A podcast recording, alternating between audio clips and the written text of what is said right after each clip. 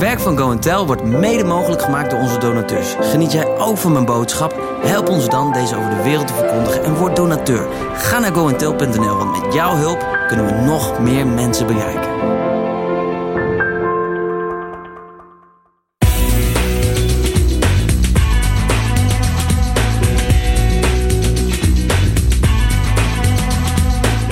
Dat je er bent. Als mens kun je boven en onder de lijn communiceren.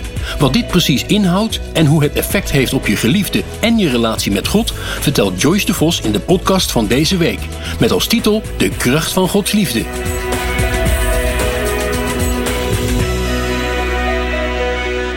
Ik heb iets moois meegenomen. Een mooie pizzadoos.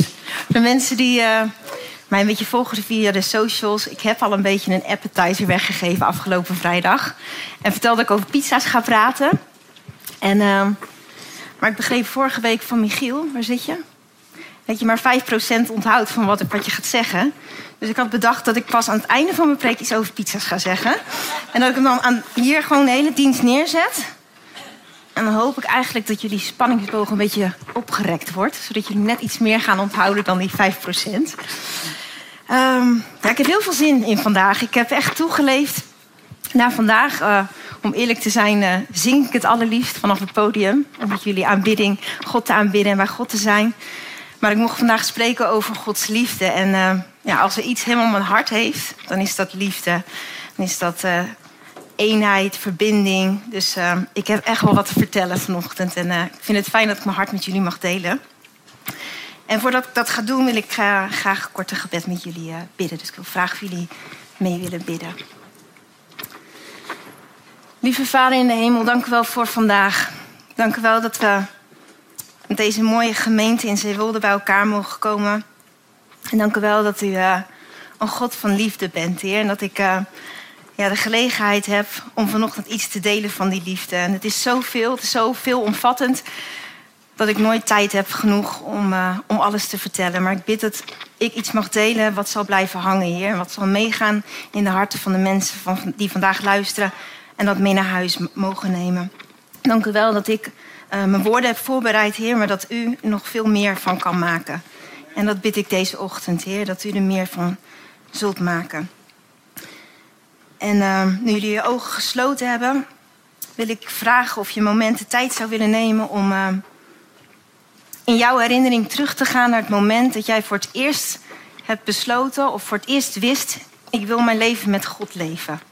Probeer eens daar naar terug te gaan. Het is voor de een misschien een jaar geleden en voor de ander misschien 50 jaar geleden. Maar ga eens helemaal terug naar dat moment en probeer je drijfveer te zoeken voor het moment waarop jij een keuze maakte.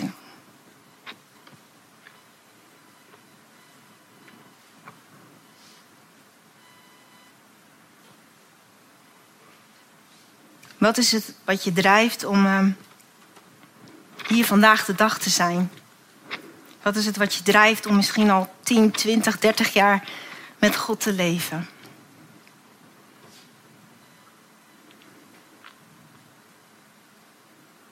Dan mogen jullie je ogen weer open doen. Ik denk dat jullie heel veel antwoorden hebben, maar ik denk dat als we teruggaan en we terug moeten brengen naar één woord, Waarbij je zeg maar, moet uitleggen wat je drijft, wat jou hier brengt, waarom je met God wil leven. Ik denk dat we dan uitkomen op het woord liefde. Zijn jullie het daarmee eens? Ja?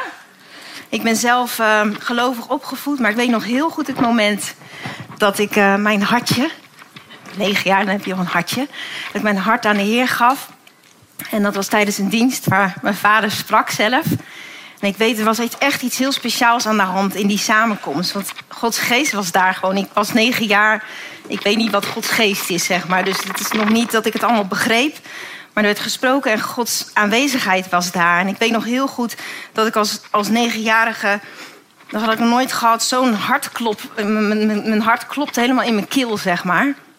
Dus toen de oproep was van... Nou, kom naar voren om je hart aan de Heer te geven toen, ik wilde eigenlijk helemaal niet, maar ik werd gewoon gedreven naar voren. En ik heb daarna echt zo onwijs lopen huilen en ik wist eigenlijk niet, niet waarom. En ik weet nu dat dat gewoon de liefde was van God die me trok, waarvan ik wist van hé, hey, Ik ga hier niet naar de kerk of ik volg God niet om mijn ouders te doen, maar omdat God van mij houdt en hij veel groter is dan mijn wereldje alleen. En vanaf vandaag wil ik gewoon met hem leven. En ehm, ik denk dat jullie hebben allemaal jullie eigen verhalen uh, waarom je met God leeft. Misschien een jaar, misschien al 50 jaar. Voor mij is dat 30 jaar. Maar hij is de drijfveer waarom ik hier sta, waarom ik God aanbid. En er zijn een hele hoop pieken en hoop dalen geweest in al die jaren. Want de kerk is geen perfecte plek. Maar ik word elke keer weer getrokken naar de liefde. En ja, de liefde is ook iets. Hè, jullie zijn er net even naar terug gegaan. Maar dat, dat is door de generaties heen. Is die liefdestroom gegaan. En het wordt eigenlijk helemaal teruggeleid naar dat ene vers uit de Bijbel. Wat we eigenlijk allemaal kennen. Uit Johannes 3, vers 16. We gaan hem eventjes laten zien op de beamer. Uh, Gods liefde. Gods wat? Liefde, ja. Voor de mensen was zo groot dat hij zijn enige zoon gegeven heeft. Iedereen die in hem gelooft, zal niet sterven, maar voor altijd leven. Kijk, dit Bijbeltekst, dat, dat moest ik vroeger uit mijn hoofd leren. En dat ken ik helemaal uit mijn hoofd natuurlijk. Maar ik realiseerde me van de week toen ik deze preek voorbereidde. dat als het eerste deel van deze tekst niet bestond. Gods liefde voor de mensen was zo groot. dan had de rest er waarschijnlijk ook niet geweest. Dan had God zijn zoon ook helemaal niet gegeven. Dus alles komt terug op de liefde. En ik realiseer me ook heel goed dat als Gods liefde daar niet was, dat we volgende week ook helemaal geen Pasen zouden vieren. Want waarom zouden we Pasen vieren als hij nooit gedreven was geweest om zijn zoon te geven? Ik denk dat, uh, dat ze last hebben van mijn oorbellen, dus die gaan uit.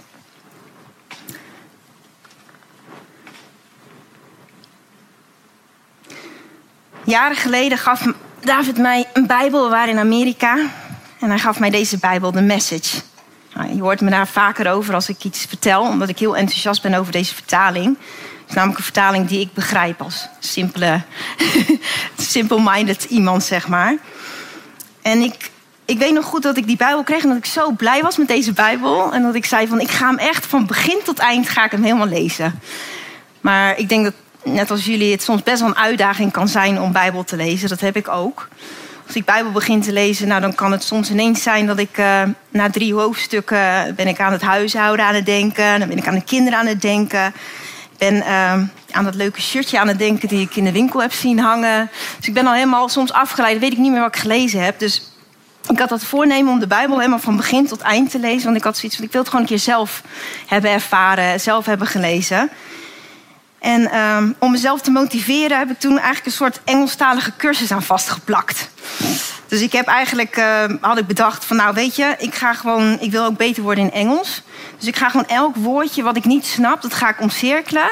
En dat ga ik dan vertalen. En dan aan het einde van de Bijbel dan heb ik en de Bijbel gelezen. En dan ben ik ook nog eens een keer beter geworden in Engels.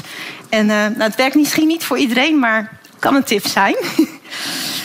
en um, de grootste, mooiste ontdekking die ik eigenlijk heb gedaan door zelf de Bijbel te lezen, is dat, um, dat het gewoon heel goed is, allereerst om de Bijbel te lezen. Omdat je krijgt eigenlijk als, als gelovige heel veel flarden van wie God is binnen, doordat je naar een preek luistert, doordat je wordt opgevoed, doordat je met andere christenen in contact staat. Maar eigenlijk is het heel goed om het woord ook voor jezelf te lezen van begin tot eind. Want je, je creëert toch een beeld van God die deels door mensen is gecreëerd, of deels wat je zelf in gedachten hebt. Maar God wil echt spreken door zijn woord. En door een totaalplaatje, door het hele geheel te lezen, ontdekte ik eigenlijk steeds meer van Gods liefde, zeg maar. Dat ik dacht van nee, ik had eigenlijk een beeld van God dat hij heel streng en heel. dat hij allerlei regels had en dat ik aan allerlei dingen moest voldoen. En vooral in het Oude Testament, hè, daar zie je gewoon ja, toch een God die uh, ja, heel zwart-wit van nee, je kan niet dit doen, want dan gaat het verkeerd. In het Nieuwe Testament komt er een beetje een, een kanteling in, zeg maar. Maar eigenlijk door echt echt heel gepassioneerd te lezen, zag ik van hé, hey, mijn beeld werd veranderd van hoe God naar liefde kijkt, naar, de mensen kijkt. In het begin dacht ik altijd van hé, hey, God, God wil dat wij ons beter gedragen. Maar het viel mij ineens heel erg op door de Bijbel zelf te lezen van hé, hey, God is niet boos op ons als mensen. God is boos op alles wat ons van Hem afhoudt. Of alles wat ons van Hem wegtrekt. En Hij is gewoon super voorzichtig met ons. Ik weet vroeger, als ik eh, de weg overstak, dan kon ik heel dromerig zijn. Dat heb ik nog steeds een beetje, dat ik afdwaal in gedachten. En dat ik dan, dan kwam mijn auto langs en mijn broertje was iemand die trok me heel, heel vaak zeg maar, even zo terug aan mijn uh, capuchon. Want die zag alles wel rijden, zeg maar. En soms denk ik wel eens, het Oude Testament daar was Jezus nog niet. Daar was nog geen verlossingsplan, zeg maar. En daar was het gewoon zwart of wit. En zodra je in het zwarte gedeelte kwam, was er ook geen weg meer terug naar het witte gedeelte. En dat heb je zelf ook met je kinderen. Op het moment dat ze boven aan de trap staan en je weet dat ze vallen, dan ga je niet uitleggen van nee, schat, het is misschien beter om niet daar boven aan de trap te gaan staan. Dan, dan grijp je iemand hè, bij de kraag en dan zeg je: kom. En dat is niet omdat je boos bent, maar is omdat je niet wil dat die persoon daar komt. En het viel me gewoon op dat, dat, dat Gods liefde ook in het Oude Testament heel groot is. Dat hij gewoon zo gepassioneerd is over zijn creaties, over waar hij van houdt. En dat als je eigenlijk gewoon met die ogen naar de Bijbel kijkt, dan zie je gewoon een gepassioneerde God die echt vol liefde is en gewoon niet wil dat je in dat zwarte gedeelte komt waar hij je niet meer uit kan trekken. En dat hij ziet op den duur van hé, hey, maar dat werkt niet, want mensen trekken toch naar het zwarte gedeelte. Ik moet met een plan komen. En dan komt het Nieuwe Testament. En dan komt Jezus en dan is er een oplossing. Dan is het, hè, dan kan ik net als vroeger toen klein was eventjes zo onder de auto rijden. Maar dan, hup, sta je weer op en je bent gewoon weer levend. Dat is eigenlijk wat Jezus doet. Hij zorgt ervoor dat wat er ook gebeurt, waar je ook in terecht komt, je krijgt gewoon weer een nieuwe kans. Maar dat is Gods idee. Dat is zijn liefdesplan die hij bedacht had in het Nieuwe Testament. En zijn karakter wordt ook steeds meer zichtbaar door Jezus' karakter, zeg maar als we, ik moet aan een paar voorbeelden denken. Ehm, ja, Jezus is in contact met heel veel mensen, maar natuurlijk vooral ook met mensen die het volgens onze boekjes niet goed doen, die fouten maken, die tekortschieten. En om wat voorbeeld te geven, denk aan Zacchaeus. Dat is de doorsnee iemand die het niet deed zoals God het had bedoeld. Ehm, de vrouw bij de bron, de, vrouw, uh, de overspelige vrouw, de misdadiger aan het kruis. Um, ik ga al die verhalen nu niet uitgebreid vertellen, want dan kan ik niet alles vertellen wat ik wil vertellen. Maar ik zou je willen adviseren om die verhalen, maar ook alle andere verhalen te bekijken waarin Jezus een contactmomentje heeft met iemand die het eigenlijk niet zo goed doet, in onze ogen dan. Hè? En als je daarnaar kijkt, dan zie je dat er eigenlijk geen enkel moment is dat Jezus met een waslijst komt met van, nou, dit heb je verkeerd gedaan, dat heb je verkeerd gedaan, dat heb je verkeerd gedaan, dat heb je verkeerd gedaan. En ik ga je nu even vertellen een waslijst van nog een paar dingetjes die je dus kan doen om het wel goed te doen. Nee, geen van het alles zie je bij Jezus terug.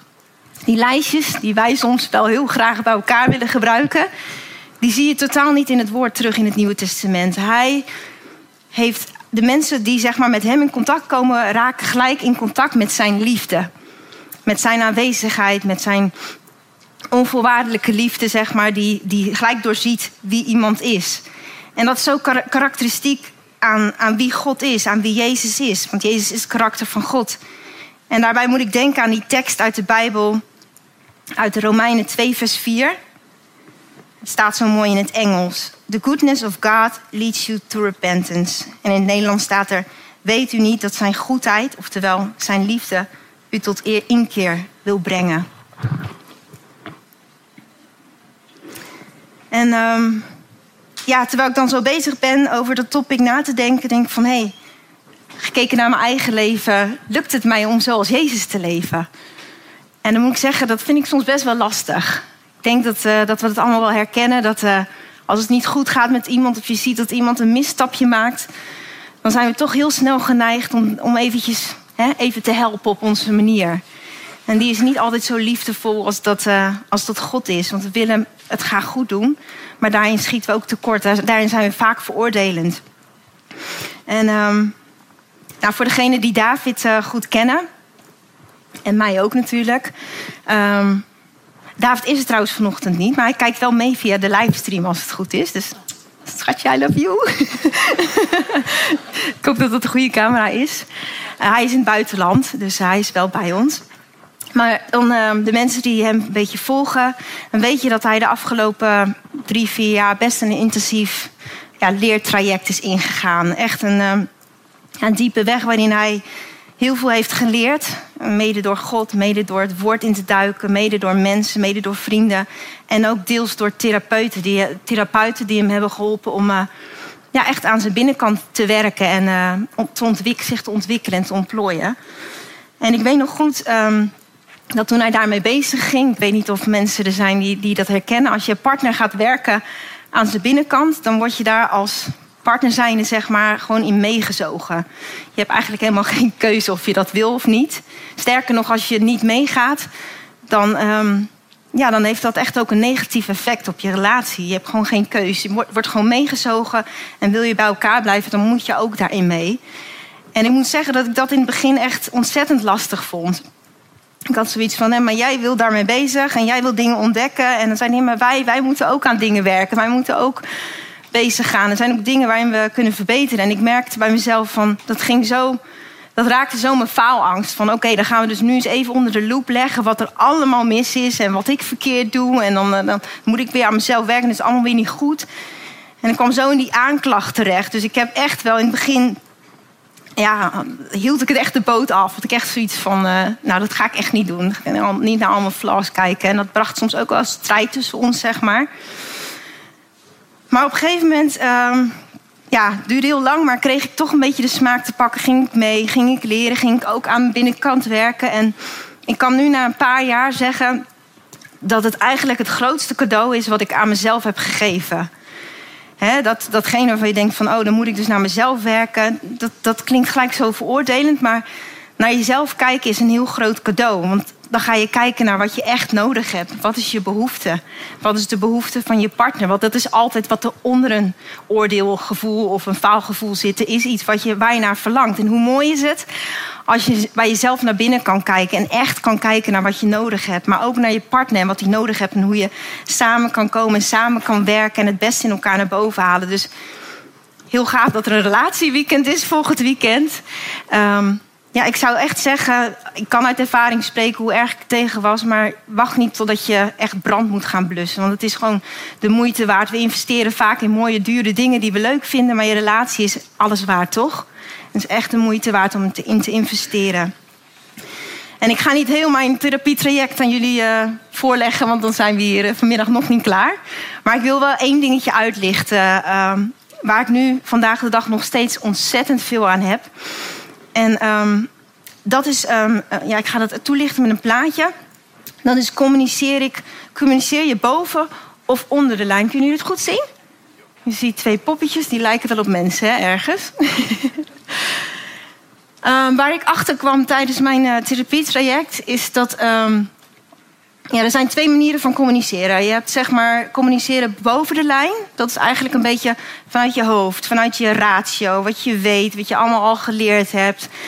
En je hebt communiceren onder de lijn. Dat is vanuit je hart, vanuit je onderbuikgevoel, vanuit je intuïtie, vanuit je gevoel.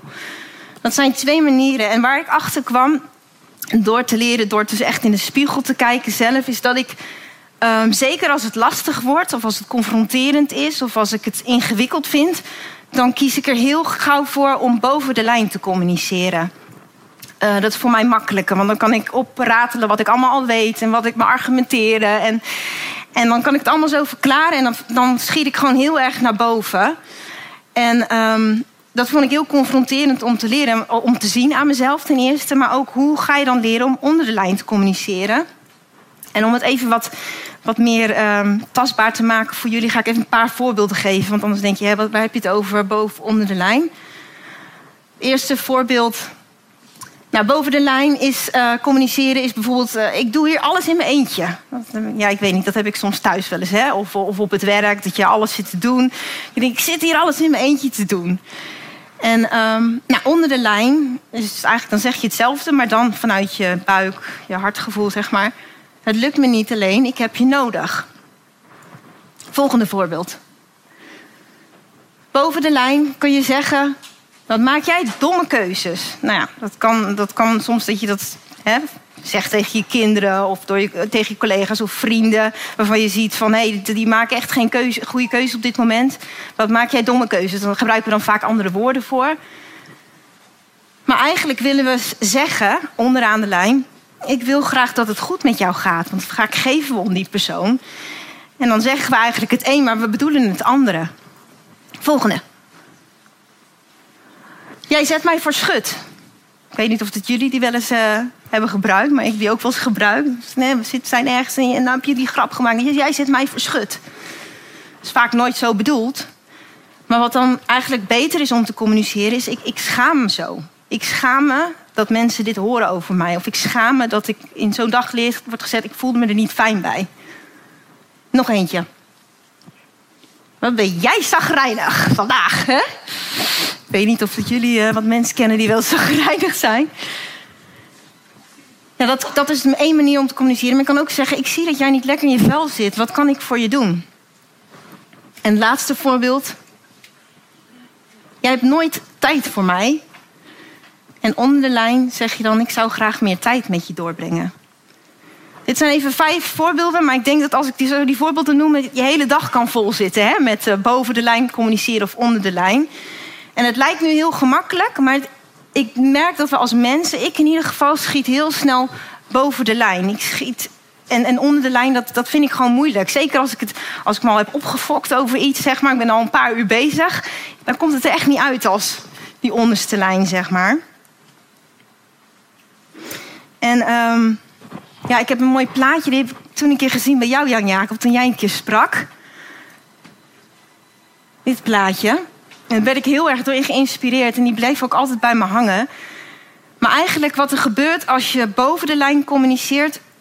En dan zie je eigenlijk die geraamte, zeg maar. Dat, dat is eigenlijk wat er dan gebeurt. Dan sta je eigenlijk met je rug naar elkaar toe zeg maar, boven de lijn communiceren betekent eigenlijk dat, je, dat er altijd een oordeel zit in wat je zegt. Er is altijd een oordeel naar die ander dat hij iets niet goed doet.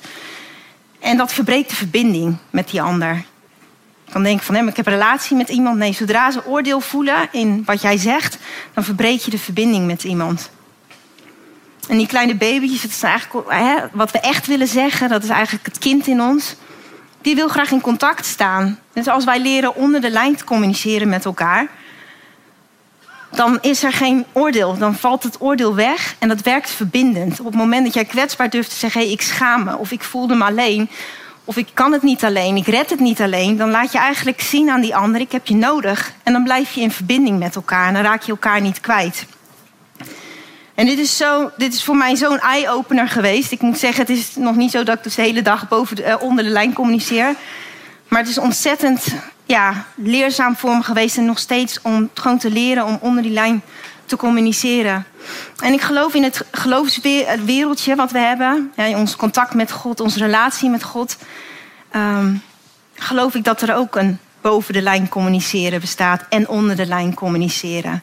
hoe, hoe is jouw relatie met God? Als je de Bijbel leest, lees je hem dan onder de lijn? Dus lees je Hè, wat God voor je, voor, hè, je voor, voor je, zo, zeg je dat? Hè, voor jou heeft klaar liggen, dat hij het beste met je uh, voor heeft. Of lees je boven de lijn van, oh, hij geeft regels. Ik moet het goed doen, ik moet goed presteren, want dan, dan kan ik een wit voetje bij hem halen. En ik geloof dat dat ook in de kerk, hè, hoe we met elkaar omgaan als, als gelovigen, als christenen. Ik denk dat wij soms ook boordevol boven de lijn communiceren met elkaar. Want we hebben een plaatje van hoe we het willen bereiken met God en met elkaar. En, en van hé, hey, maar je moet dit doen. En ik pak het woord er even bij. Je moet, weet je wel, God heeft dit voor je. Maar vergeten soms die onderste lijn. He, geven we echt om die ander? Zeggen we het omdat we het zo goed hebben geleerd vanuit ons ratio? Omdat God het in het woord zegt? Of zeg je het omdat je echt geeft om die ander? Omdat je graag, omdat je potentie ziet in die ander? Ik denk dat dat het hele verschil is boven en onder de lijn.